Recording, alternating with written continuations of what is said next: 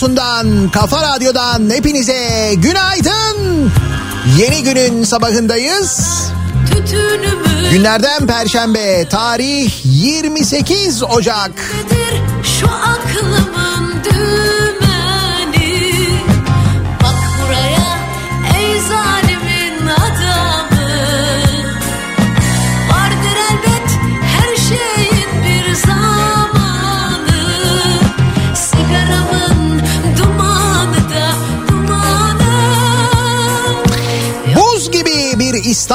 sabahından sesleniyoruz. Türkiye'nin ve dünyanın dört bir yanına. Dumanı da dumanı An itibariyle İstanbul kimi yerlerde bir, kimi yerlerde iki derece civarında.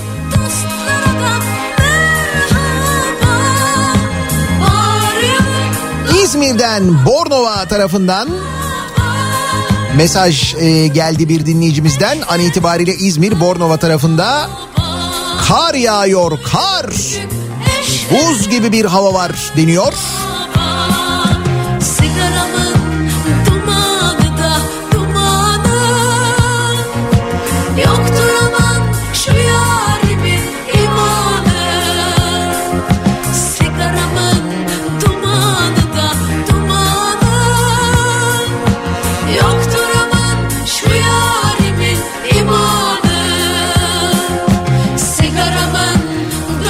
İstanbul'da bekliyorduk.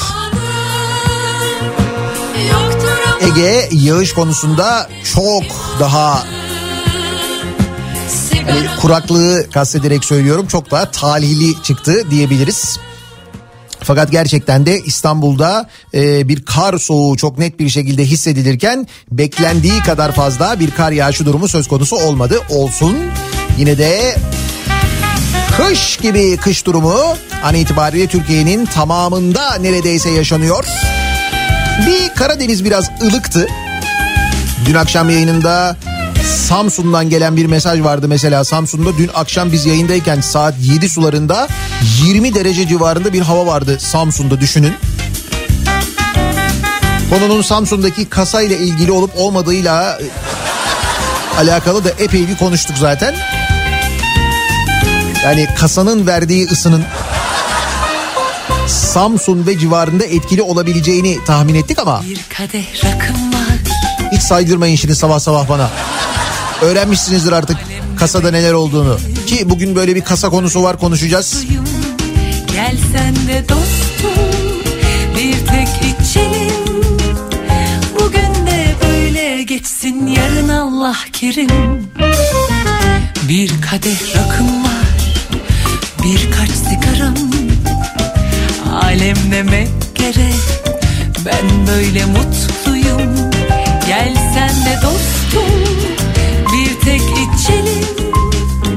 Bugün de böyle geçsin yarın Allah kerim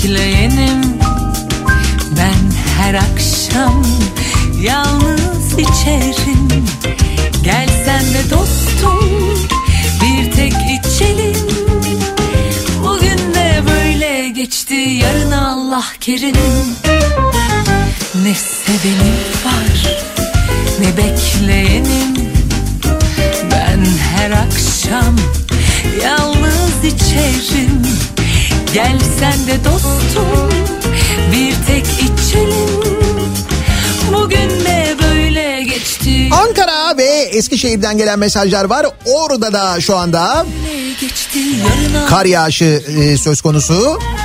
Bugün de böyle Meteorolojinin özellikle de buzlanma ile ilgili bir uyarısı var.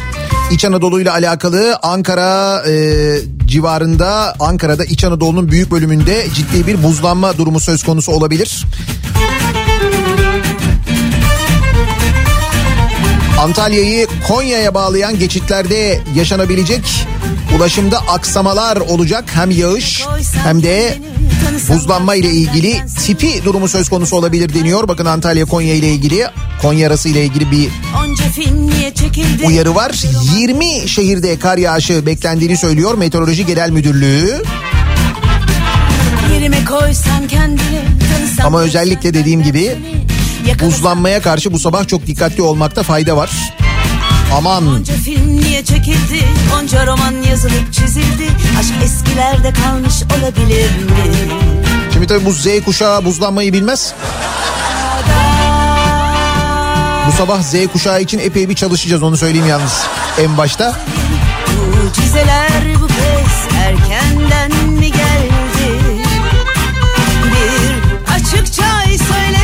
söylese şair bari buluşsak sokaklar gibi.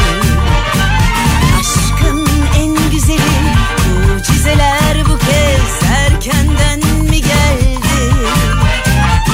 Bir açıkça söylese şair bari buluşsak sokaklar gibi. Evden çalışma ile ilgili konuşuyorduk ya. İşte bu evden çalışma Almanya'da zorunlu hale gelmiş. Eğer bir şirket, eğer bir işletme çalışanlarını evden çalıştırabildiği halde eğer iş yerine çağırıyorsa o şirketle ilgili hemen bir soruşturma başlatılacak. Çok da büyük para cezaları kesilecekmiş. Sadece bu da değil eğer çalışanını evden çalıştırıyorsa şirket o şirketin bir takım yükümlülükleri varmış. Evden çalışma ortamının hazırlanması ile ilgili maddi kaynak sağlamaktan tutun da işte evde e, kullanılan internetin, evde kullanılan elektriğin, elektrik harcamasının bir bölümünün karşılanmasına kadar birçok zorunluluk varmış. Erkenden mi? Bir açıkça söylese şair bari. Bizde bilmiyorum böyle hani evden çalışanlara madem evden çalışıyorsunuz evdeki interneti biz ödeyelim. Dur elektriğe de bir katkıda bulunalım falan. Denildi mi acaba hiç? Ne bileyim hani belki... Çünkü evden çalışmanın beraberinde getirdiği enteresan durumlar var. Bak mesela bir araştırma yapmışlar. Şimdi diyelim ki evden çalışıyorsunuz. Dolayısıyla yaşantınızın büyük bölümü evde geçiyor. İşte bu karantina kurallarına uyuyorsunuz. Mümkün olduğunca dışarı çıkmamaya çalışıyorsunuz. Ve evinizde diyelim ki bir kedi var. İşte bu tecritte dip dibe yaşamak kedileri bezdirmiş sevgili dinleyiciler. Yani bezen yalnızca siz değilsiniz. Kediler de bezmişler. Uzmanlar Covid-19 pandemisi sebebiyle insanların evde daha çok vakit geçirmesinin özellikle kediler başta olmak üzere bazı evcil hayvanları olumsuz etkilediğini söylemişler. PLOS Medicine isimli hakemli bilim dergisinde yayınlanan bir araştırma kedi, köpek, tavşan gibi evcil hayvanların tecrit sırasında insanların akıl sağlığını koruduğunu ortaya koymuştu. Ya şimdi insana iyi geliyorlar. Burada insana iyi geliyorlar kısmı bence tırnak içine alınmalı. Çünkü bazı insanlar var yine tırnak içinde söylüyorum. Böyle kediye köpeğe tahammülü olmayan insanlar bunlar. Bana, bana soracak olursanız vicdan eksikliği olan insanlar bunlar. Bu hani alerjisi olan korkanı falan onları demiyorum ben. Ay çok havlıyor, ay çok işte böyle miyavlıyor falan. Öyleler var çünkü. Var var öyle insanlar var yani. Bir zamanlar çocuktum. Kedi geliyor bahçemde dolaşıyor. Pist de. Pist de gidiyor zaten yani. Neyse ee, araştırma makalesinin yazarları evcil hayvan sahibi olmanın pandeminin zararlı psikolojik etkilerini azalttığını belirtmiş. Böyle bir faydası var. Öte yandan bazı uzmanlar da aynı durumun bazı evcil hayvanlar için geçerli olmadığı görüşünde. Zira bazı hayvanların tecrit sırasında sahiplerinden bıktığı ortaya çıkmış. Yani Yine mi sen ya? Abi git işe gitmiyor musun sen ya?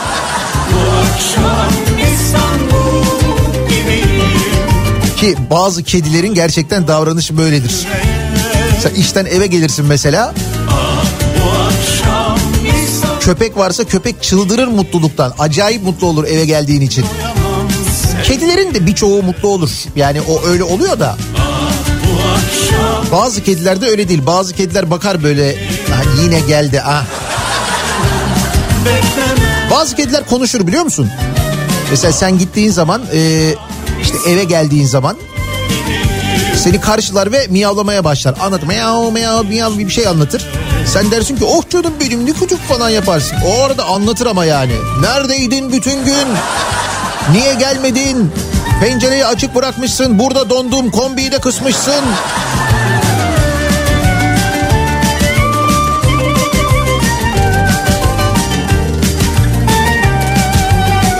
Sosyal medyada son zamanlarda depresyona girmiş gibi görünen veya artık sahiplerine bakmaya bile dayanamayan kediler paylaşılmaya başlanmış. birden büyüdüm başım göğe erdi Bugün aşk var yarın düş öbür gün iş Hayvanları bile bıktırdık ya. İyi, Biz ne yapalım? Bir de bizi düşün. Yani pandemiyi kastetmiyorum ama hani genel böyle bir tecrit durumu gibi düşün yaşadığımız hali. Biz ne yapalım? Bugün aşk var yarın düş öbür gün iş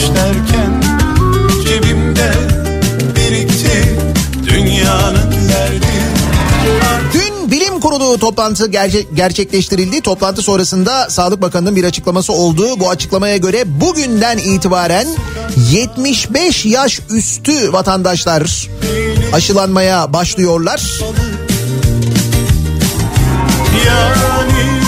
Yaş yavaş yavaş aşağıya doğru geliyor. Bugün itibariyle bir daha söylüyorum 75 yaş üstü olanlar aşı randevusu alabiliyorlar.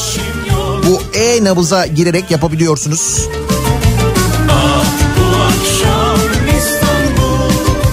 Ya da Sağlık Bakanlığı'nın danışma hattını arayarak da aynı şekilde ya da aile hekiminizi arayabilirsiniz. Onlar yönlendirebilirler.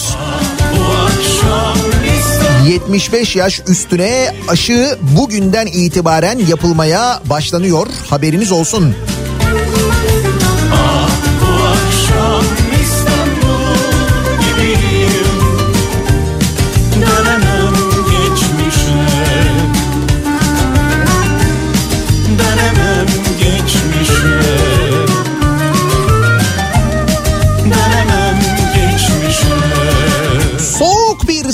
Genel olarak başlarken nasıl bir sabah trafiğiyle güne başlıyoruz? Hemen dönelim trafiğin durumuna bir bakalım.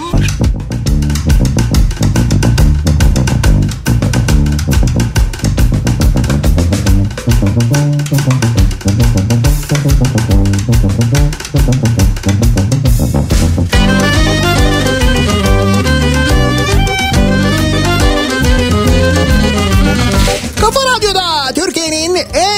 radyosunda devam ediyor. Perşembe gününün sabahında Daiki'nin sunduğu Nihat'la muhabbet. Ben Nihat Sırdar'la. Yedi buçuk oldu saat. Tabii ki hala karanlık. Hem soğuk zaman zaman yağışlı bir İstanbul sabahından sesleniyoruz. Türkiye'nin dört bir yanında bizi dinleyen gözü kargoda olan ve kargo ile gelecek olan büyüyü bekleyenlere. Ki onlar muhtemelen bizi dinlemiyorlardır. Çünkü bizim dinleyicimiz e, kargo ile büyü siparişi vermez diye tahmin ediyorum ben. Yapmazsınız değil mi öyle bir şey? Sosyal medyada son zamanlarda en çok dikkat çeken konuların başında sözde medyumların online büyü istismarı geliyormuş. Online büyü. Ekrana yaklaş, yaklaş, yaklaş. Puh. Tamam oldu büyü. Gönder bana. Ayrılan sevgilileri geri birleştirmeden koronavirüsten korunmaya kadar birçok konuya çözüm bulduklarını iddia eden duygu istismarcıları insanlara büyüleri hazırlayıp kargoladıklarını ve ödemeyi yüz yüze yapabileceklerini söylüyorlarmış. Yani hem online hem online değil ama yani. Böyle ikisinin arasında bir şey. 48 saat içinde sevgiliyi geri döndürme, aşık etme, küsleri barıştırma, online büyü bozma gibi hizmetler verdiğini öne sürerek insanları dolandırmaya çalışıyorlar. Son dönemde zamana ayak uydurarak hastalıklara da çözüm bulduklarını iddia eden sözde sosyal medya medyumlarının bazıları koronavirüs büyüsü yaptıklarını da iddia ediyorlarmış. Bir ömür boyu koronavirüsten arındıracak büyü yapıyorlarmış. Millet de uğraşsın işte aşıyı bulduk bulalım. Yok faz 1, faz 2, faz 3 adam direkt fazsız. Ya bunlar fazmaz bunların hepsi yalan dolan ya. Biz online çözüyoruz yani. Üstelik büyüyü size e, kargo ile gönderiyoruz kapıda ödeme.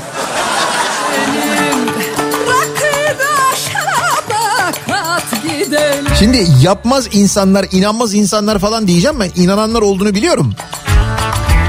Bak hala ki konuştuk bu konuyla ilgili hatırlarsanız şu sahte diploma e, mevzu vardı ya bir yere konuşuyorduk. Hani Hamza Yerlikaya'nın sahte diploması vardı ki mahkeme kararıyla sabit. O haberlere erişim engeli geldi ama hafızaya erişim engeli olmadığı için biz hatırlıyoruz ne olduğunu. Neyse tam da o dönem konuştuğumuz bir sahte diploma sitesi vardı hatırlıyor musunuz? Sahte diploma.net mi? Sahte diploma.org mu bir şey vardı yani. Şimdi e, o sitenin dolandırıcı olduğu anlaşılmış ama başka siteler türemiş. Üstelik sahte diplomaya müthiş bir talep varmış. İyi mi? İnternetten ilan vermekten çekinmeyen bazı kişiler 500 liraya sahte diploma yapıyor. Kargo ile gönderilen ki bunlar da kargo ile gidiyor. Kargo ile gönderilen sahte diplomalar üstelik noter onaylı. Noter onaylı? Noterin bundan haberi var mı? Tabii ki yok. Ben sahte diplomayı yapan onun üzerine noter onayını yapmaz mı? Onun da sahtesini yapıyor işte.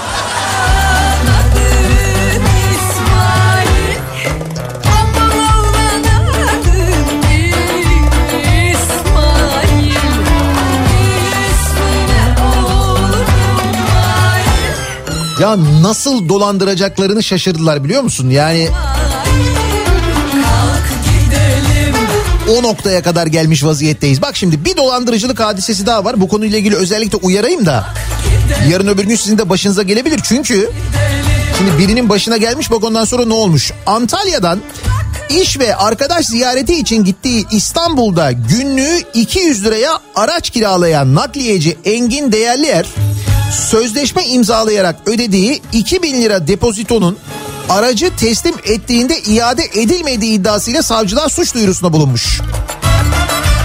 Değerli er kendisi gibi araç kiralamada depozito ile dolandırılan 270 kişi olduğunu mağdurların kurduğu gruba WhatsApp grubuna dahil edilince öğrenmiş. Düşün mağdurlar WhatsApp grubu kurmuşlar. Ee, bu arada bu dolandırıcılık internet sitesi üzerinden yapılıyormuş. Yani internet sitesi üzerinden arabayı buluyorsunuz. Kiralık araba arıyorsunuz. Ondan sonra bakıyorsunuz en uygun fiyatlı olanını tutayım diyorsunuz. Ama işte o en uygun fiyatlı olanı tuttuğunuz vakit yani olmayacak fiyata araba kiraladığınız zaman o işin içinde bir bit yeniği olduğunu düşünmen gerekiyor. Çünkü güvenilir firmalar bu fiyattan veriyorsa bu nasıl bu fiyattan veriyor diye düşünmeyip Hani bu şey gibi mesela.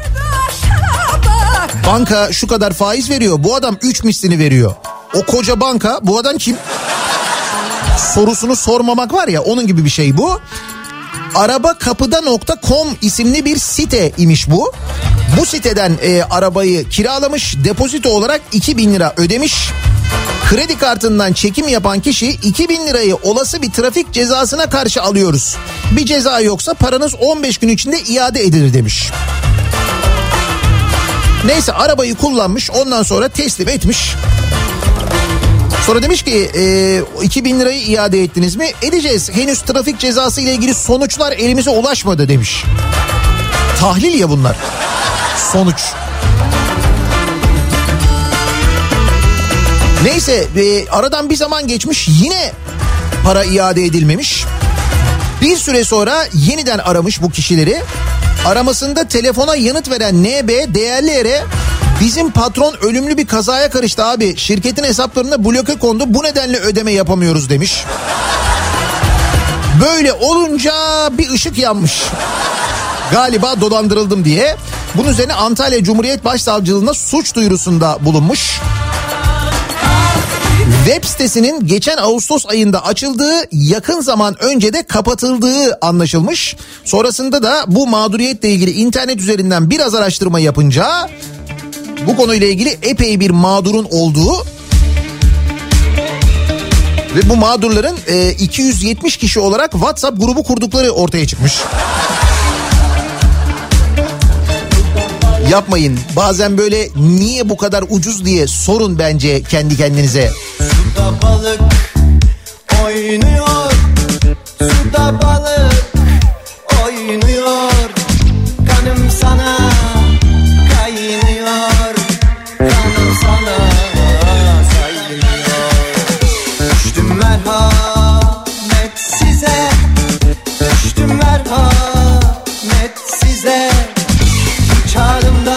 Kasacılar hazır mısınız? Samsun'daki kasayı hatırlayanlar güzel. Şimdi bir başka belediyede yaşanan bir hadise var. Adana'nın Yüreğir Belediyesi Mali İşler Müdürlüğü. Ne oldu orada da mı kasa çıkmış? O kasadan ne çıkmış? Yok orada kasa durumu yok. Bakın orada başka bir şey ortaya çıkmış. Yüreğir Belediyesi'nde görevli memur belediyenin banka hesabından 792.841 lirayı usulsüz bir şekilde birilerine göndermiş. Peki bu nasıl ortaya çıkmış? Şöyle ortaya çıkmış. Adana Yüreğir Belediyesi bünyesinde kullanılan bilgi işlem programının işlevselliğini yitirmesi sebebiyle sistem değişikliği kararı alınmış. Sistemi değiştirince yeni sistem kurulduğunda ortaya çıkmış ki belediyede görevli bir memur belediyenin banka hesaplarından toplamda 792 bin lirayı hiçbir karşılığı olmayan usulsüz ödemeyle birilerine göndermiş. Bak bu uyanık kasaya koymamış. Halbuki kasaya koysa. Bak burada sadece 792 bin lira olmuş. O da ortaya çıkmayacakmış da sistem bozulunca. Bir de sadece 792 bin lira oluyor böyle gönderdiğin zaman. Halbuki kasa olduğu zaman yatırım sepetini genişletebiliyorsun. Değil mi? Döviz koyuyorsun, altın koyuyorsun, külçe altın koyuyorsun, reşat altını koyuyorsun. 1050 tane çeyrek altın koyuyorsun.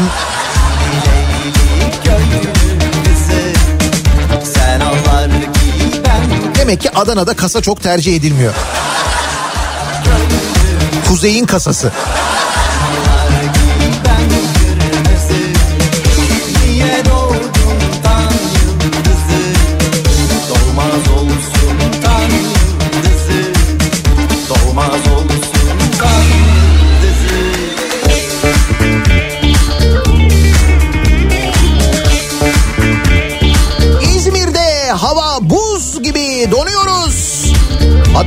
Hatta kar bile çiseliyor diyenler var. Bakınız soğuk demişken ben size hemen soğuğu söyleyeyim. Ki daha da soğuğunu aslında geçtiğimiz haftalarda konuştuk değil mi? Ağrı'da eksi 30 dereceyi e, ölçtüler. Şimdi sıfırın altında 22 dereceyi Ağrı'da termometreler göstermiş. Ve Ağrı yani e, sıfırın altında 22 derecenin dün ölçüldüğü işte iki hafta önce eksi 30'ların ölçüldüğü Ağrı'nın bir özelliği daha ortaya çıkmış sevgili dinleyiciler. Türkiye'de doğalgazın en pahalı olduğu şehir Ağrı olmuş. Büyük başarı. HDP Ağrı Milletvekili Abdullah Koç doğalgazın en pahalı olduğu illeri sıralamış. Buna göre birinci sırada metreküp birim fiyatı 2.07 lira olan Ağrı bulunuyor. Türkiye'de en pahalı e, doğalgaz Ağrı'daymış sevgili dinleyiciler. Niye acaba yüksek diye mi? Hani rakım olarak. Ay uzak olsa diyeceğim ki neye uzak? Çünkü mesela bu doğalgaz boru hatlarına çok da uzakta değil o. Türkiye'ye kuzeyden gelen doğalgaz boru hatlarına da çok böyle uzaklarda değil Ağrı. Ağrı'yı Van izliyormuş. İkinci sırada en pahalı doğalgaz Van'da var. Üçüncü sırada Batman. Dördüncü sırada İstanbul. Beşinci sırada da Ankara yer alıyor. Elden Çok yakın coğrafi olarak birbirine gerçekten. Ağrı, İstanbul, Ankara evet.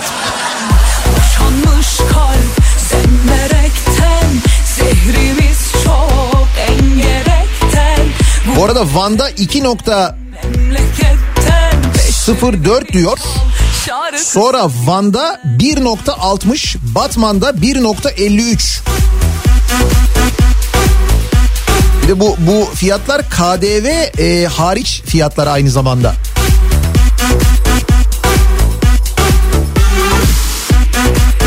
Neyse canım çay içersiniz ısınırsınız. Gökyüzüne doğru bakın çay bir şekilde gelir diye tahmin ediyorum ben. Hani bu aralar böyle şikayet edenlere genelde böyle yapılıyor. Yukarıdan çayı fırlatıyorlar. Bazen gözüne falan isabet ediyor ama çay ya çok sıkıntı olmuyor. Kaç makamla dövdülerse Yeni zam dalgası kapıdaymış bu arada. Hayırdır?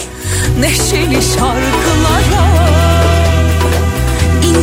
Şiddetli rüzgarla falan alakalı bir şey mi yoksa?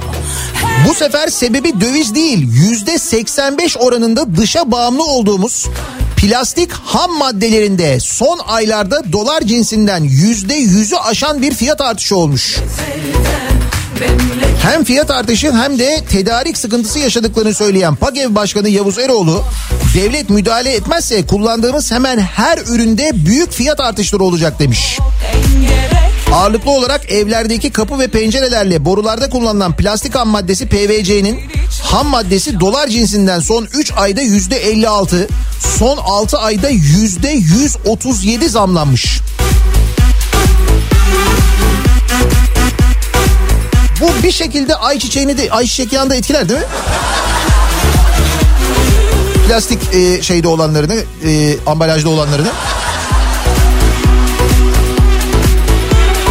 Bak meyve sebze yetiştirilen seralarda kullanılan örtüler, poşetler ki poşet kırmızı çizgimiz çok mühim. Ambalajlar, ince streç filmlerde kullanılan IP film ham maddesinde dolar cinsinden fiyat artışı son 3 ayda %40, son 6 ayda %60 oranına ulaşmış. İçtiğimiz suyun fiyatını bile etkileyebilir. Çünkü e, pet şişelerin de aynı zamanda üretimi o pet kısmında da büyük bir fiyat artışı olmuş.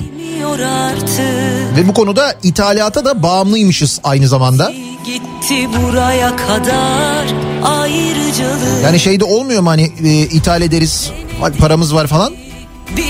Öyle olmadı mı bu? Olmuyor yani.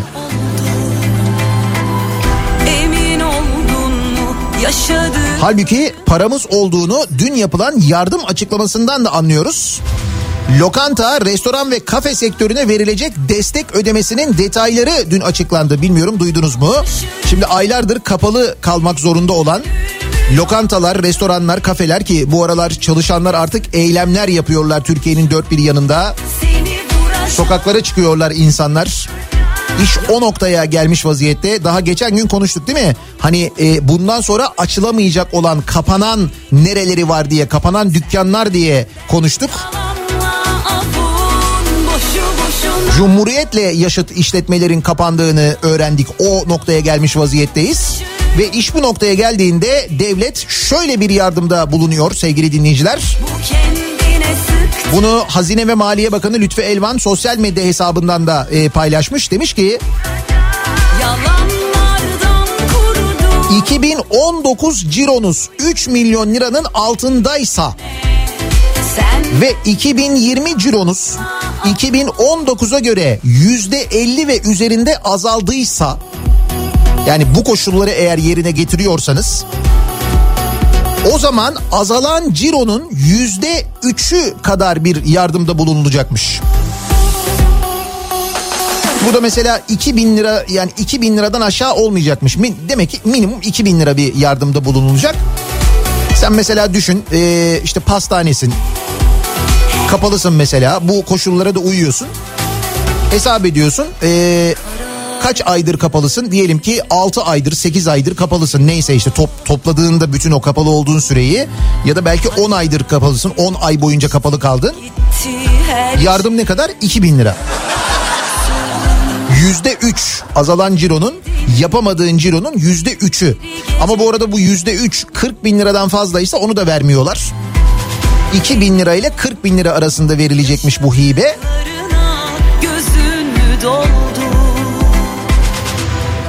Şimdi aynı e, durumda olan e, mesela Avrupa'daki işletmelere ne kadar yapılmış bu cironun kaçta kaçı ile alakalı diye bir baktım ben. Küçük bir araştırma yaptım.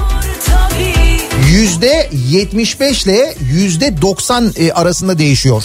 Yani orada da mesela bir önceki yılla e, sonraki yıl arasında ki orada bir limit yok. Böyle ciro ile ilgili bir limit yok. Diyor ki bir önceki yıl e, ciron ne kadardı? Şimdi ne kadar? Şu kadar. İşte o aradaki fark ne kadar? Diyelim işte atıyorum ben rakamı TL ile ilgili düşündüğümüz vakit diyelim ki 2 milyon lira bir ciro eksiğiniz var ya da 1 milyon lira cironuz eksildi.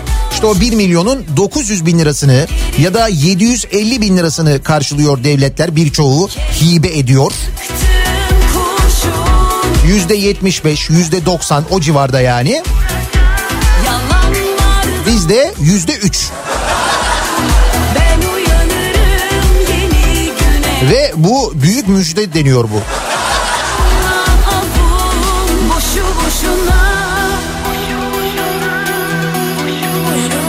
Hakikaten müjde gibi müjde yani.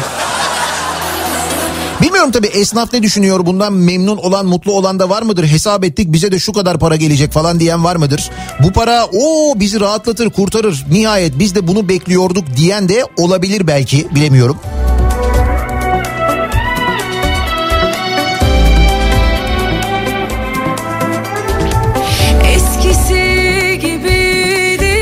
Zaman zaman konuşuyoruz ya hani her şeyin başı aslında adalet diye. Artık Ne zaman ki Türkiye'de adaletin şiraz, şirazesi kayar o zaman Türkiye'de ekonomiden tutun da her şeye kadar fena bir duruma geliriz. Yani biz pandemi olmasa da zaten bir ekonomik krizin içindeydik. Pandemi bunu daha da derinleştirdi. Bunu da hepimiz biliyoruz.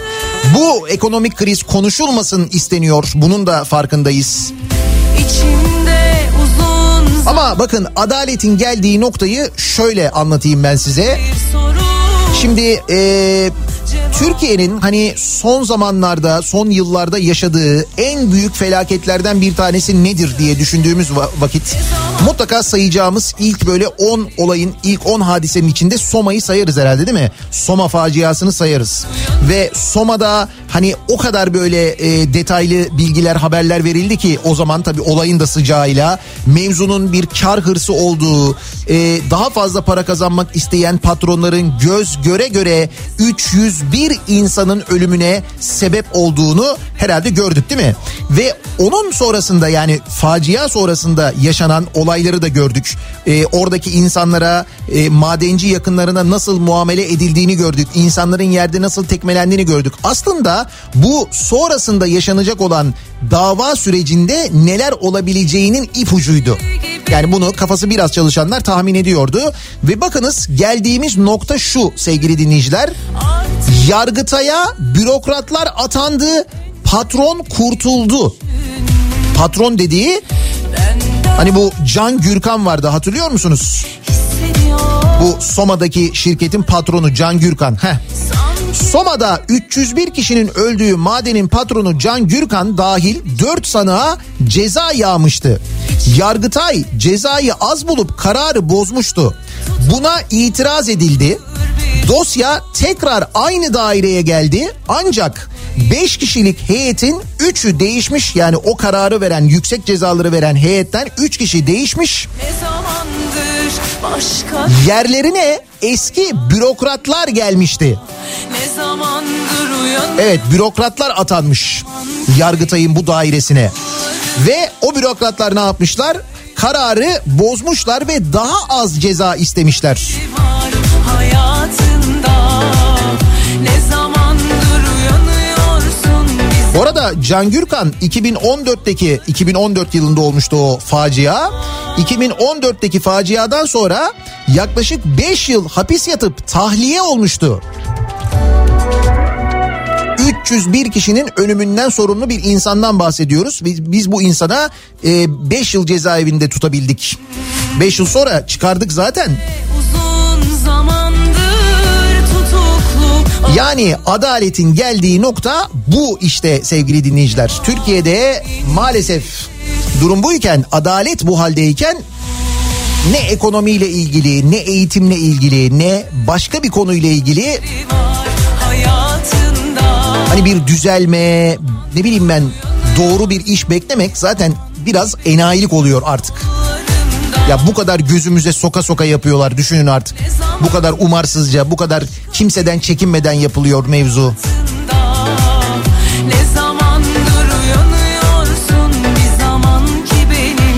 Şimdi bizim derdimiz bir taraftan adaletken, bizim derdimiz bir taraftan ekonomiyken ki bu durumda olmamızın sebebi de aslına bakarsanız biraz adaletsizlik az önce anlattığım gibi. O sırada bakıyoruz e, işte iktidarın derdi ne diye. İktidarın derdi yine e, işte mesela SSK'yı batıran Kemal Kılıçdaroğlu. O zaman iktidarda Kılıçdaroğlu vardı çünkü. Ve şu anda bu arada ismi artık SGK, SSK değil. Şu andaki SGK biliyorsun Karun çok zengin. O yüzden mesela emekli olamıyoruz. O noktadayız. ki Ve deniyor ki e, Z kuşağı deniyor bunları bilmiyor. Z kuşağının Türkiye'nin yakın tarihine dair birçok şeyi bilmediği e, söyleniyor. Şimdi tabii Z kuşağı önemli çünkü o Z kuşağı artık oy kullanmaya başlayacak. Z kuşağına bunların anlatılması e, lazım. Türkiye'nin yakın Türkiye yakın tarihiyle ilgili Z kuşağının bilgilendirilmesi lazım deniyor. Yani kabaca böyle genelleyebiliriz konuyu.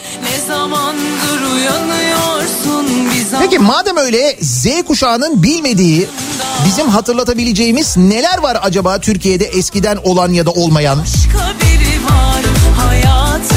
Z kuşağı bunları bilmez.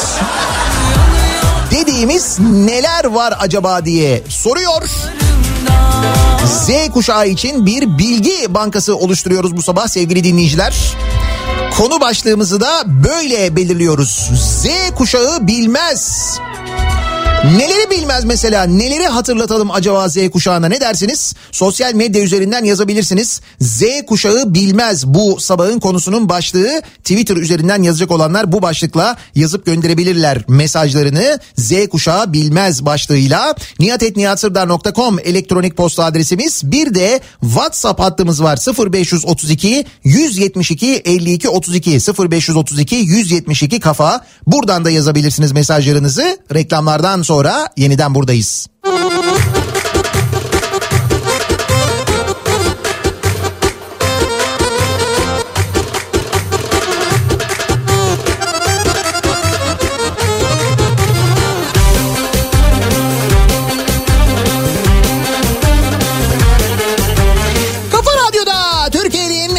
Kafa radyosunda devam ediyor.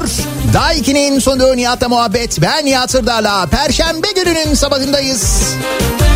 8'i 1 dakika geçiyor saat. Z kuşağı bilmez.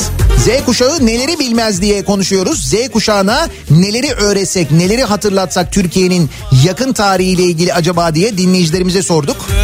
Bak mesela Z kuşağı bilmez. Eskiden tavernalar vardı. İnsanlar tavernalara giderlerdi, eğlenirlerdi. Tarabya'da olurdu mesela bu tavernalar. İşte böyle Arif Susam olurdu, Necdet Alp olurdu, Cengiz Kurtoğlu olurdu. Biz de sahile giderdik. Camlar açık olduğu için müzik sesiyle eğlenirdik. Yıllar geçti o şarkılar protest oldu. Sıktı mı canını sıktı mı Kov gitsin unutursun Aramaya kalktın mı? Daha neler bulursun? Sıktı mı canını sıktı mı? Kov gitsin unutursun.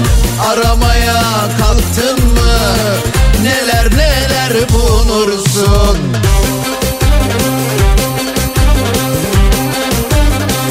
Bugün yavaş yavaş bir siyasi slogan olmaya doğru ilerleyen bu şarkı. Hani sıktı mı canını kov gitsin falan. Vakti zamanında Z kuşağı bilmez. Tarabya'da eğlenceydi bunlar ya.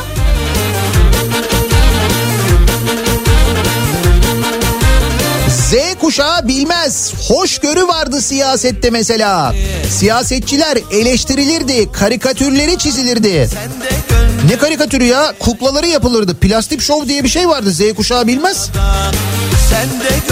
Bugün sen onun da plasını yaparken dünyada al bunu al al al al, al diye. Kov gitsin unutursun Aramaya kalktın mı? Daha neler bulursun? Sıktı mı canını sıktı mı? Kov gitsin unutursun Aramaya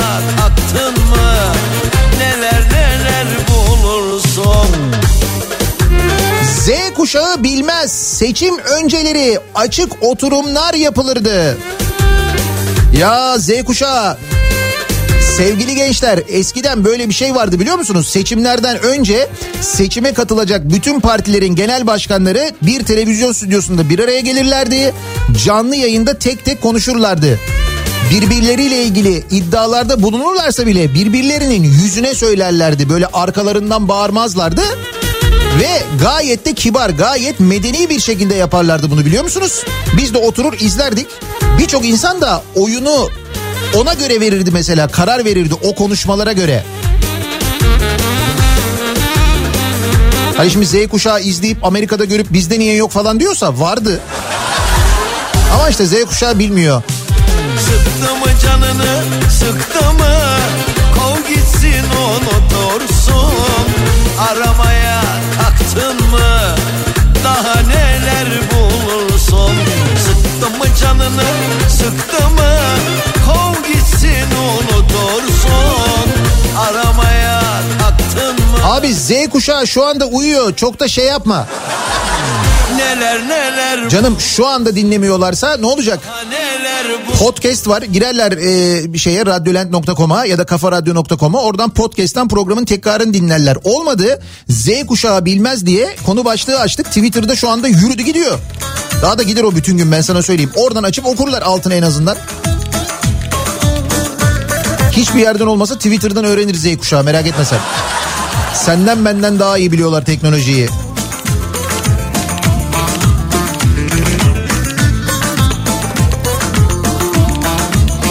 Z kuşağı bilmez. Seçimden sonra işaret parmağına siyah mürekkep dökülürdü. Bir oy kullanan bir daha kullanamazdı diyor Ankara'dan Osman. Başka yerden Z kuşağı bilmez. Eskiden seçimler olduğunda böyle elektrikler kesilmezdi. Seçim pusulaları böyle çöplerden falan çıkmazdı. Seçim günü mesela seçimin kuralı değiştirilmezdi.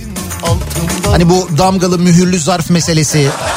Ya Z kuşağı bilmez seçimler daha güvenilirdi eskiden. Abidin Paşa NATO yolumu Kız sen Ankara'nın neresindensin Yavrum Ankara'nın neresindensin Z kuşağı bilmez. Eskiden Hıfzı Sıha Aşı Enstitüsü vardı. Birçok aşı Türkiye'de üretilirdi. Hatta ihraç edilirdi. Çin'e bile aşı göndermiştik. Şimdi Çin'in aşısına muhtaç olduk diyor. Taksici Kemal göndermiş Ankara'dan Çankaya'dan. Ya kendi aşımızı kendimiz üretiyorduk. Kim kapattı bu aşı enstitüsünü, Hıfzı Beygül Bil bakalım kim kapattı? İşte Z kuşağı bilmiyor bunları doğru.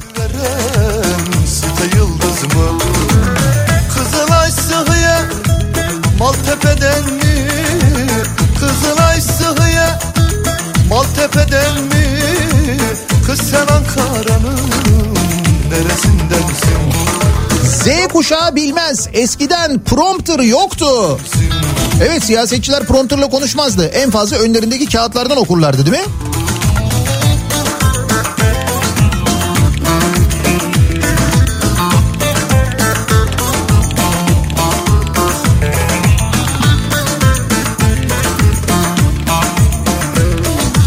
Z kuşağı bilmez bu ülkede gazeteciler, haberciler vardı. Hatta objektif haber yapabilen televizyon kanalları bile vardı. Ya Z kuşağı bilmez. Bu memlekette insanlar cuma akşamını beklerdi. Niye biliyor musun? Siyaset meydanı olsun diye. Siyaset meydanı programını oturalım izleyelim gece 3'lere 4'lere kadar. Sonra bütün hafta sonu hatta pazartesi günü bir orada konuşulanları tartışalım falan diye. Ayrancıdan mı Yani bir tartışma programıydı siyaset meydanı. Ama şimdi Z kuşağı tartışma programı deyince bu haber kanallarında herbokologların katıldığı programları anlıyorlar. Oradaki gibi zannediyorlar da siyaset meydanı öyle değildi çocuklar. Herkes bir medeniydi. Ne güzel sorular soruluyordu böyle. Seyircilerden sorular geliyordu. Sorular böyle e, Nihat Hatipoğlu'na sorulan sorular gibi değildi yani. Z kuşağı bilmez.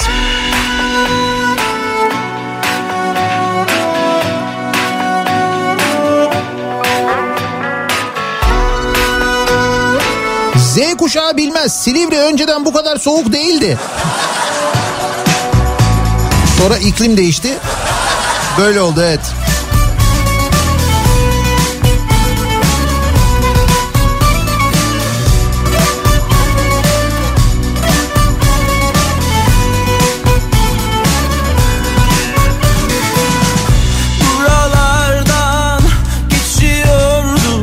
Kuşağı bilmez. Bak hakikaten Z kuşağı mesela Ahmet Necdet Sezer'i hatırlıyor olabilir mi? Onu da hatırlamıyor olabilirler değil mi? Ahmet Necdet Sezer isimli bir cumhurbaşkanımız vardı mesela Z kuşağı bilmez. Ee, böyle bir saray değil Çankaya köşkünde otururdu. Ee, market alışverişine giderlerdi karı koca böyle korumasız morumasız falan. Ee, ondan sonra e, kırmızı ışıkta dururdu mesela. Böyle bütün şehir o, o geldiği zaman trafiğe kapatılmazdı falan.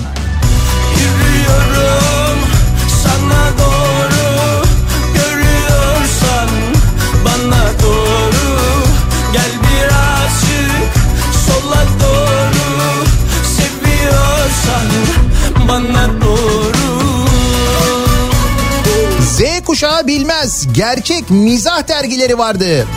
Kimse kimseyi hapse attırmazdı. Gırgır e, kapakları gönderiyorlar dinleyicilerimiz de eskiye dair. Sevgilim sen, şarabi sen Ben de testinim Bay bay bay Aşkın zehir olsa bile Doldur içeyim Z kuşağı bilmez. Öyle evlerde buzdolabı falan yoktu.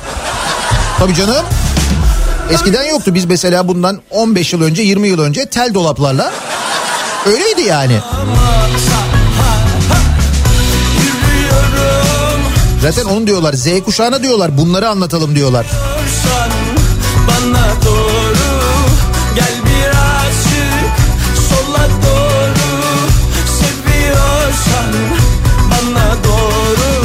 Kuşağı bilmez. İstiklal Caddesi rock bardan geçilmezdi eskiden. Hatta şöyle söyleyeyim çocuklar e, İstiklal Caddesi'nde ağaçlar vardı biliyor musunuz? Siz bilmezsiniz. Baya böyle İstiklal Caddesi'nin başından baktığında ağaçlardan mesela sonunu göremezdin. Epey de büyümüştü o ağaçlar. Ondan sonra arkadaşlar geldi. Dediler ki bu ne ya yeşil. Hemen ilk iş söktüler bütün ağaçları. İstiklal Caddesi'nden hatırlayın.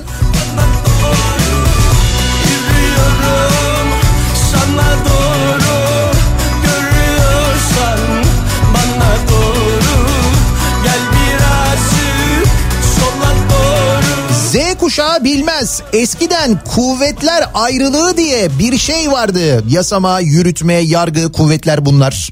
İşte dördüncü kuvvette medya denirdi. O medya zaten halledildi. Dördüncü kuvvet olarak falan kalmadı bitti. Ama kuvvetler ayrılığı, yasama, yürütme ve yargı arasında birbirlerini denetleyebilecek bir sistem vardı. Z kuşağı bilmez. O da sizlere ömür. O da bitti. O da yok artık.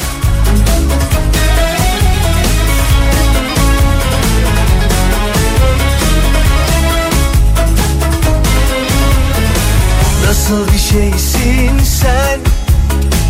Bu güzellik nereden? Aklım uçtu resmen. Birileri tutsun. Z kuşağı öyle bir geliyor ki bangır bangır. Hepsi okuyor artık. Şimdi tabii bu arada Z kuşağı ile ilgili böyle bir e, yanlış bir algı, genel bir algı var ki ben buna katılıyorum dinleyicimizin söylediğine. Sizin zannettiğinizin kat kat kat kat üstünde olanın biterin farkındalar.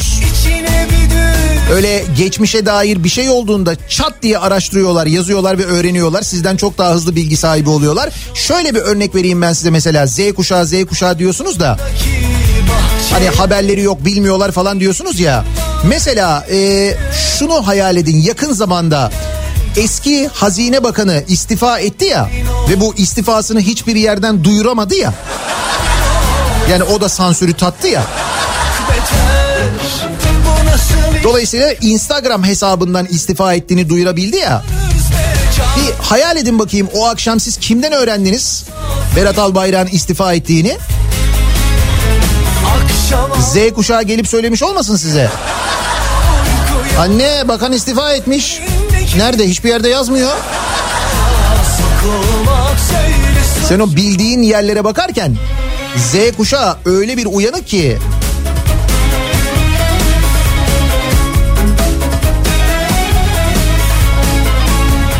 hiçbirimizin ulaşamadığı kadar hızlı bilgiye ulaşıyorlar artık. Merak etmeyin. Sen yanımdan geç Ama olsun biz yine de bilmedikleri şeyler varsa diye onlara böyle bir kaynakça hazırlamaya devam ediyoruz. Ben çıra gibi yanarken Z kuşağı bilmez. Önceden markete gittiğinde evinin alışverişini doya doya yapardın. Şimdiki gibi çok oldu şunu almayayım bunu bırakayım bundan bir tane alayım. vazgeçme Taneyle alalım bence denilmezdi. Bahçeye Niyetim var girmeye Meyvesinden tatmaya Haberin olsun Haberin olsun. Çok beter Bu nasıl iş be kız yeter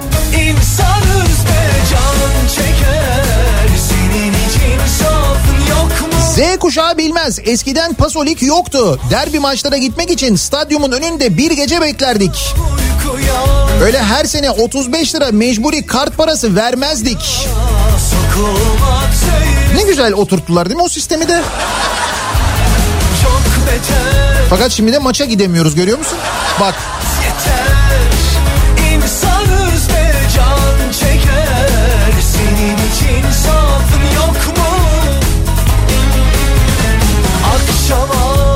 Z kuşağı bilmez. Eskiden milli bayramlar büyük coşkuyla bütün yurtta kutlanırdı. 23 Nisan öncesi biz heyecandan uyuyamazdık mesela. Nasıl böyle yavaş yavaş unutturuldu, yavaş yavaş orasından burasından müdahale edilerek her sene biraz daha alıştırılarak bizden çalındı değil mi?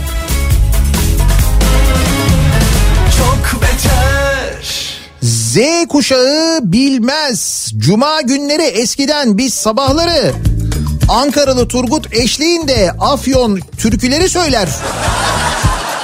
Ya işte onlar eskidendi canım. Cezayı yiyince dörtlüleri yakardık Z kuşağı bilmez. Akaryakıt vergilerini protesto etmek için bütün Türkiye'de dörtleri yakıyorduk biz biliyor musunuz sabah 8'de. Sonra bir ceza yedik.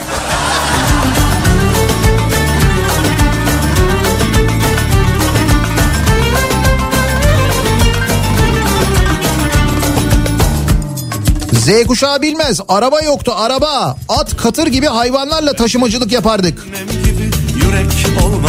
Tabii ambulans yerine kızaklar vardı değil mi? Köpeklerin çektiği. Z kuşağı bilmez 90'lar öyleydi yani.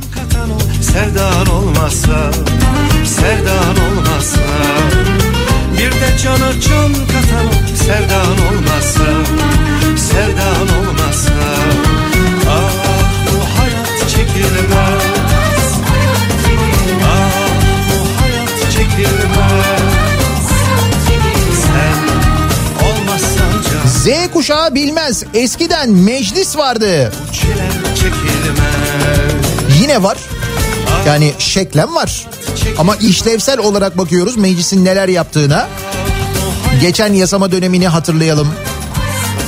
Verilen önergeler nasıl onların reddedildiği. Şimdi aynısını mesela İstanbul'da belediye meclisinde yaşıyoruz ya mesela. İşte o zaten mecliste oluyor yıllardır.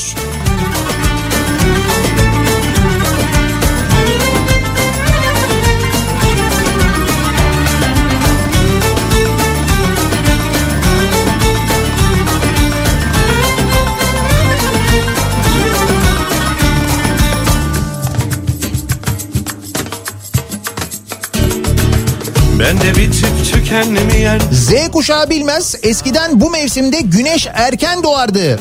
Böyle karanlıkta okula işe gidilmezdi diyor Nazan. Evet Z kuşağı bunu bilmiyor olabilir gerçekten de. Sabah bayağı bildiğin aydınlık olurdu ya. Artık o da yok. cana can katan sevdan olmasa Sevdan olmasa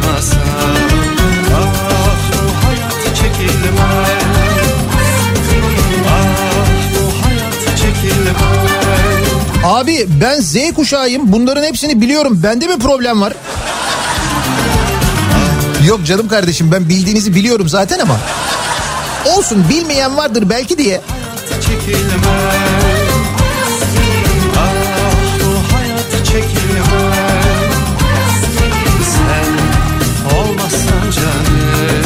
Ankara'dan Yusuf diyor ki Z kuşağı bilmez. Sakarya Caddesi'nde bir sürü bar vardı. Her yer cıvıl cıvıldı Ankara'da. Yalnız Ankara'da şöyle bir problem var. Hititlerden sonra Melik Gökçek geldiği için. O sizin söylediğiniz dönem Hititler dönemi zaten. Ondan sonra siz epey uzun bir dönem kendisini arka arkaya seçtiniz. Gönlümde dinmek bilmez sızı Ankara giderek maalesef daha çirkin bir yer haline geldi. izi olmazsa Bir de can Neyse zararın neresinden dönsek kardır. Epey bir uzun mesafeden döndük ama Bir de cana can bu arada zarar derken gerçekten büyük bir zarardan bahsediyorum maddi olarak da. Ah bu hayat çekilmez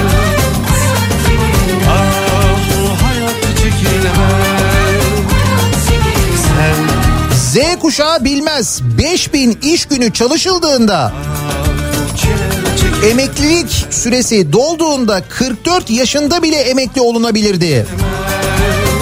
SSK'lılar ilaca ve doktora para ödemezdi. Emeklilik ikramiyesi diye bir şey vardı. O ikramiye ile ev alınabilirdi. Emekli aylığı asgari ücretin üzerinde olurdu. Hakikaten böyleydi mi ya? Ve biz sigortalı olduğumuzda yani ilk iş yerine girip sigortalı olduğumuzda bize denilmişti ki şu kadar yıl çalışacaksın. Bu kadar iş günü prim ödeyeceksin, emekli olacaksın. Emekli olduğunda da şuna göre maaş alacaksın. Şu katsayıya göre maaş alacaksın. Tamam dedik biz başladık ödemeye.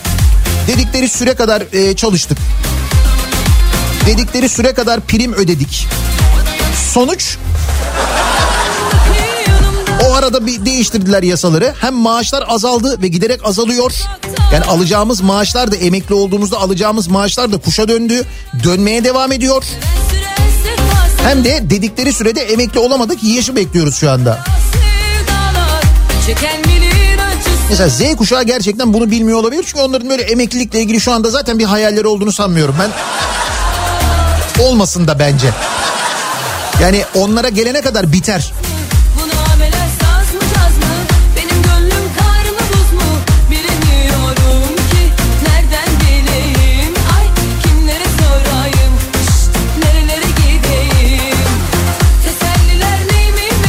Z kuşağı bilmez. Bir zamanlar tarımı, çiftçiyi destekleyen bir banka vardı.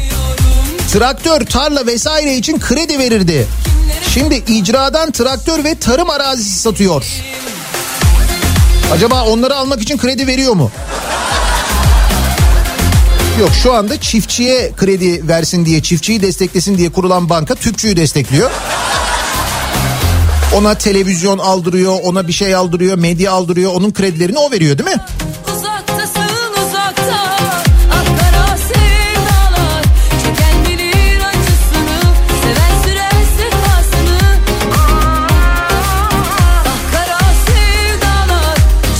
Z kuşağı bilmez. Doların 1 lira 20 kuruş olduğu zamanı diyor Erdinç. 30 bin liraya 0 kilometre araba alabiliyorduk.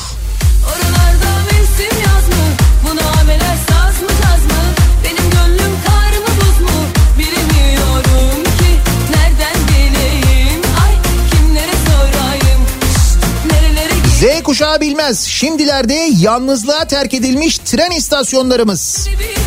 Kapı gibi de trenlerimiz vardı. Koca Mustafa Paşa istasyonuna banyo treni girerken bir fotoğraf e, göndermiş Can. Bak o trenler duruyor, yatıyor, çürüyor. O istasyonların hepsi e, kullanılabilir vaziyette. Sirkeci'den Yedikule'ye kadar bu istasyonlar çalışabilir. Sirkeci Yedikule arasında bile çalışsa e, toplu ulaşımı da Marmara'yı da öyle bir rahatlatır ki aslında. Fakat İstanbulluya inat ya. İnatla yapmıyorlar biliyor musun? Açmıyorlar, çalıştırmıyorlar o hattı.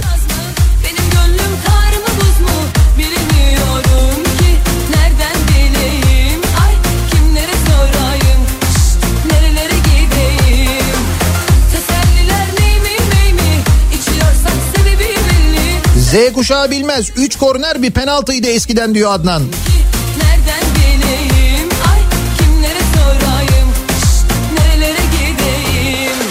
Z kuşağına hatırlatıyoruz. Hani Z kuşağı şunu bilmez, bunu bilmez falan diyorlar ya. Biz de Z kuşağına gerçekten de bilmedikleri şeyleri biraz hatırlatalım istiyoruz ki ben birçoğunu bildiklerini tahmin ediyorum. İstesi, istedikleri zaman o bilgiye ihtiyaçları olduğu zaman çat diye de öğreniyorlar zaten ama olsun biz yine de bir bilgi bankası oluşturalım. Z kuşağı bilmez bu sabahın konusunun başlığı. Reklamlardan sonra yeniden buradayız.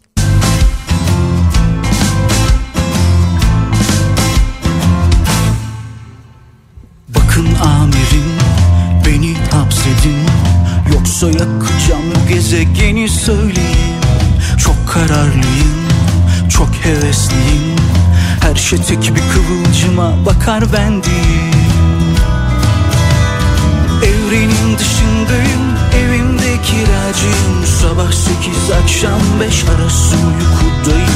Kendime yabancıyım, kimlikte Sivaslıyım. Ben hiç aşık olmadım, toplumla savaştayım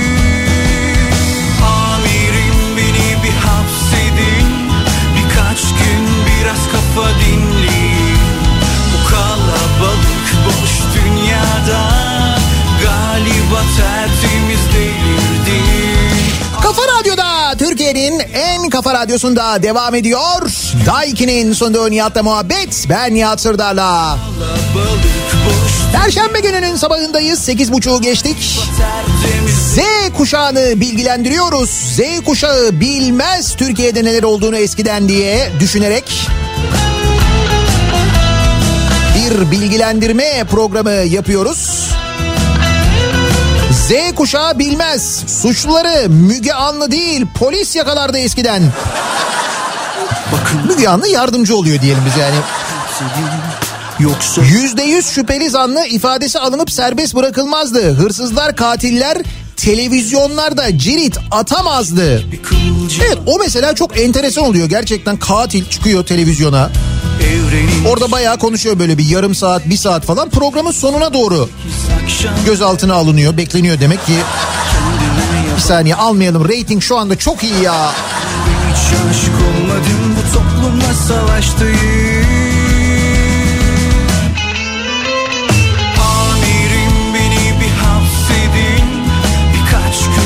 biraz Z kuşağı bilmez. Türkiye bir tarım ülkesiydi diyor Hüseyin. Bugün Konya kadar yüz ölçüme sahip Hollanda tarımda dünya birincisi düşün. Ve biz Hollanda'dan tarım ürünü ithal ediyoruz. İşte bak bu dramdır. Z kuşağı bilmez. Eskiden Wushu turnuvaları dünya genelinde yapılırdı. Allah'tan çekirdek aile kuvvetlendi. Dış güçler bertaraf edildi de artık turnuvalar aile arasında yapılıp dünya kıskandırılıyor. Kıymet bilin kıymet.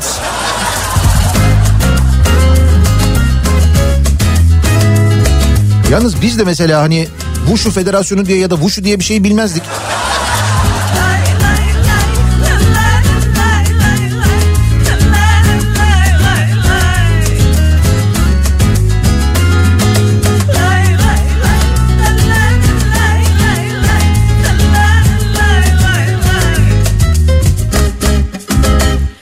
Karşı Z kuşağı bilmez. Eskiden seçimlerden önce parti liderleri karşılıklı oturur kibar kibar birbirlerini eleştirirdi. Birbirlerine sayın diye hitap ederlerdi. Bağırıp çağırmazlardı. Birbirlerinin yüzüne bakarak konuşurlardı. Seni kaybettim ama kendimi kazandım. Liderler açık oturumu. Vay be. Hayata Uğur Dündar yönetirdi. Öyle hatırlıyorum ben mesela. En son tartışmaları Uğur Dündar yönetmişti herhalde. Farkındasınız değil mi? Son 10 yıldır neredeyse hiç böyle bir şey olmuyor. Aşktan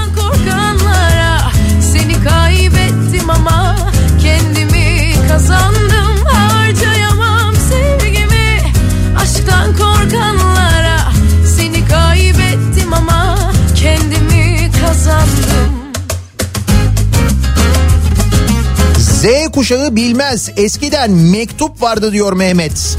Sevdiğimiz insanlardan günlerce haber almak için postacıyı beklerdik. Tabii o teknolojiye bağlı olarak bütün dünyada değişti o işte. Üniversite sınav sonuçlarını postadan beklediğimiz günler. Ya. Ha bak Z kuşağı bilmez. Eskiden ÖSYM Baya baya böyle saygın bir kurumdu biliyor musun? Acayip güvenilirdi. O sınavlarda asla hile hurda olmadığını bilirdik biz. Yani orada adaletin olduğundan emindik yani. Sahte duygulara Seni kaybettim ama Kendimi kazandım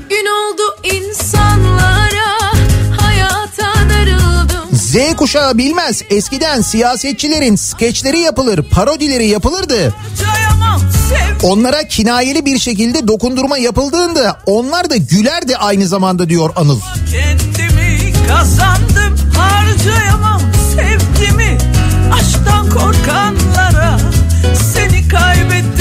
Z kuşağı bilmez. Sınavlarla bileğimizin hakkıyla bir yerlere gelebilirdik. Yani böyle torpil teşkilattan bizim işte e, partiden oradan buradan onun dayısının oğlu bunun amcasının kızı falan denilmezdi. Eğer gerçekten o görevi hak ettiysen o göreve gelirdin. Kendimi kazandım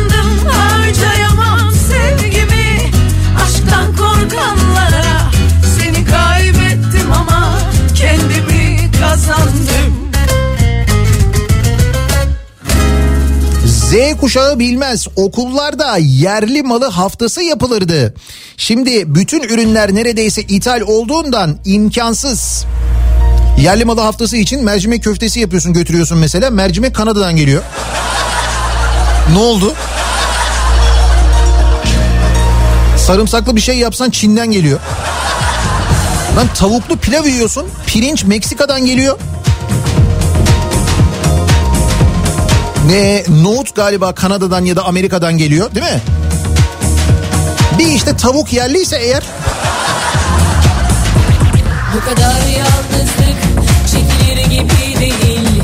Bu kadar sensizlik katlanır gibi değil. Gün gelir bilinmezler aklıma dizilir Sorgusuz sualsiz Z kuşağı bilmez. Bir zamanlar çeyrek altın 50 liraydı. Lisedeyken aylık 150 lira olan bursumla her ay 3 çeyrek alınabiliyordu. Ah o zaman keşke alsaymışım.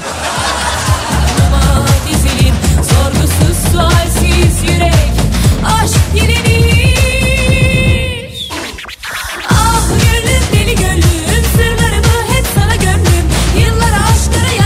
Z kuşağı bilmez eskiden işçiler grev yapabilirdi.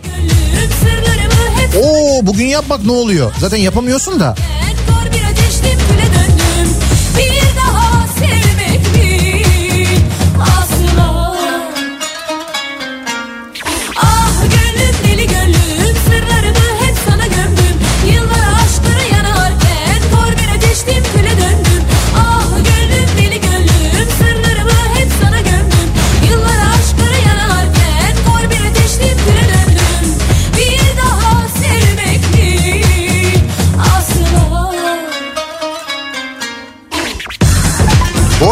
Z kuşağına nasıl bir ilgi var nasıl bir ilgi var? E tabii şimdi Z kuşağı dediğin oy kullanmaya başlıyor. Tabii canım. İlk defa oy kullanacakların sayısı 18-25 yaş arası oy kullanacak olanların sayısı epey bir yüksek. Yalnız şöyle kötü bir haber var. O 18-25 yaş arası var ya Z kuşağı da denilen yani oy kullanacak olanlar içinde olan Z kuşağını kastediyorum.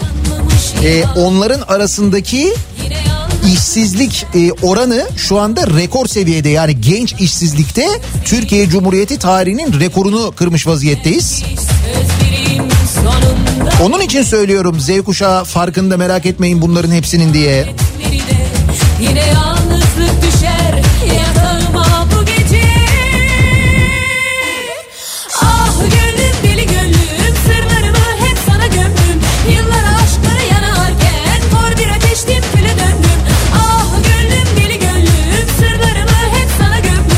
Z kuşağı bilmez. 2003 yılında Ankara Büyükşehir Belediyesi Keçiören metrosu temelini attı. Asma 3 seçim geçti. Ha açtık, ha açacağız diye. Oy toplandı. 13 sene sonra bakanlık yaptı o metroyu. E tabii canım şey çay yolu metrosu efsanesi diye bir şey vardı ya.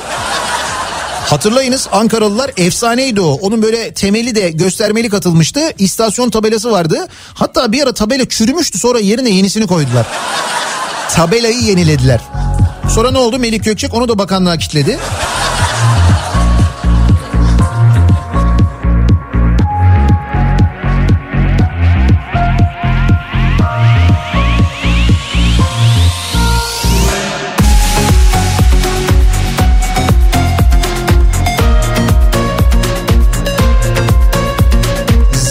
Kuşağı bilmez diyorlar ya. Tam Z kuşağı bir oğlum var. Dün dedim ki bak size laf söylenmiş. Ne diye sordu? Dedim ki Kılıçdaroğlu SSK'yı yönetirken götürmüş ondan dedim. Doğru anne Z kuşağı bilmez. Ben sana Samsung kasasını sayayım dedi. Şu anki SGK'daki açığın ne kadar olduğunu, aradaki dolar farkını, ayçiçek yağına zam geleceğini, peynir yemenin ne kadar lüks olduğunu, oramıza buramıza bir şeyler yapan müteahhitleri bunları saydı bana Z kuşağı oğlum. Bırak anne onlar bizi bilmiyoruz sansın çok da çaktırma dedi. İşte onun için diyorum ben Z kuşağı farkında diye. Sarmışım tırmanmadı Sırlarım hiç saklanmadı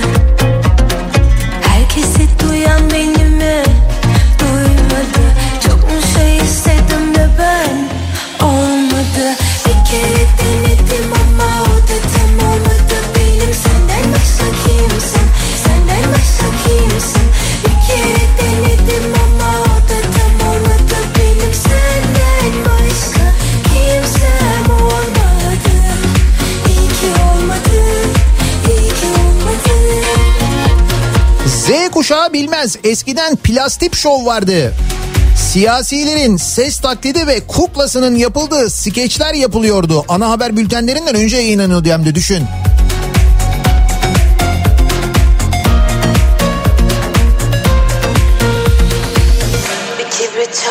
Z kuşağı bilmez. Bir maaşla 4-5 çocuk büyüten babalar vardı. Ve o evde bereket olurdu diyor Ozan. Çok şey istedim de ben olmadı ya Bir kere denedim ama o da tam olmadı Benim senden başka kimsem Senden başka Ya bak Z kuşağı bunu gerçekten bilmiyor olabilir. Kalemle kaset sarmayı. Hatta kasetin ne olduğunu. O gerçekten zor oluyor. Yani kasetin ne olduğunu anlatmak fiziki olarak kaset yoksa tarif edemiyorsun, anlatamıyorsun. Diyorsun ki böyle iki tane delik var işte bir tane bant var falan. Bant derken diyor olmuyor anlatamıyorsun onu. İlla böyle bir fotoğrafını falan göstermen gerekiyor. Zaten sen gösterene kadar o telefona yazıyor Google hemen kaset yazıyor. Ha, bu mu diyor.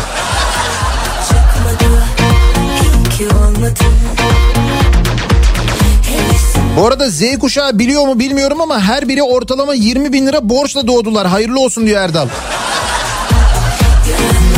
Yok abisi şu anda onlar farkında değiller. Öğrenecekler ama zamanla onlar da.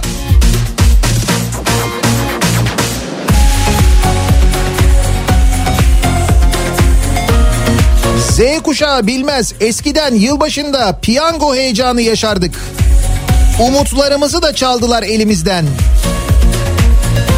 O da gitti değil mi? Neyse Almanya'da çıkıyor ama. Bizden birine çıkmış mesela. Onu deneyelim. Z kuşağı neleri bilmez acaba diye konuşuyoruz bu sabah. Biraz bilgilendirme yapıyoruz onlar için. Reklamlardan sonra yeniden buradayız. Temmuz,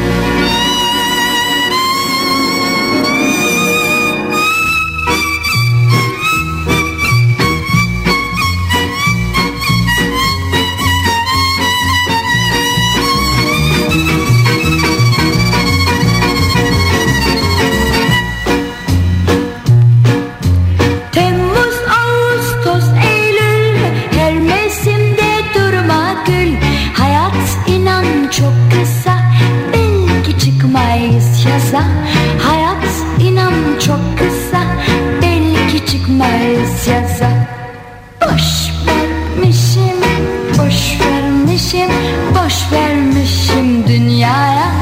Ağlamak istemiyorsan Sen de boş ver dünyaya. Ağlamak istemiyorsan Sen de boş ver dünyaya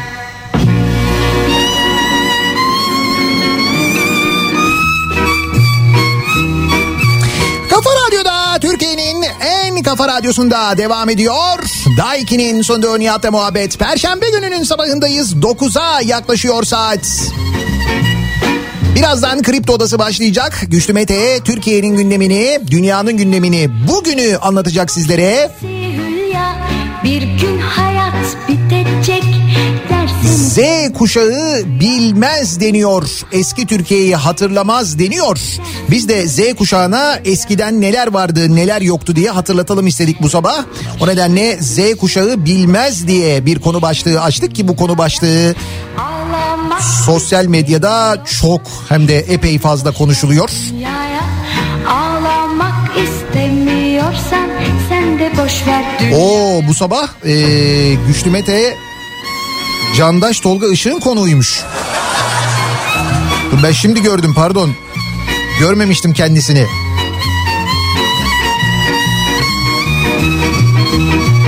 Birazdan Türkiye'nin gündemini, dünyanın gündemini birlikte aktaracaklar Kripto Odası'nda.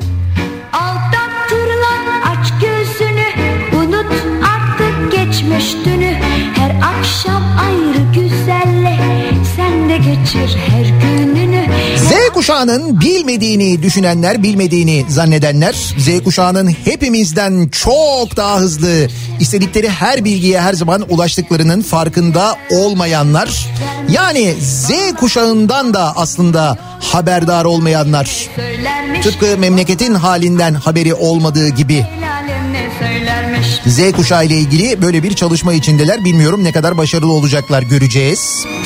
Bu akşam 18 haberlerinden sonra eve dönüş yolunda ben yeniden bu mikrofondayım. Sivrisinek'le birlikte eve dönüş yolunda sizlere eşlik etmek üzere tekrar görüşünceye dek hoşçakalın.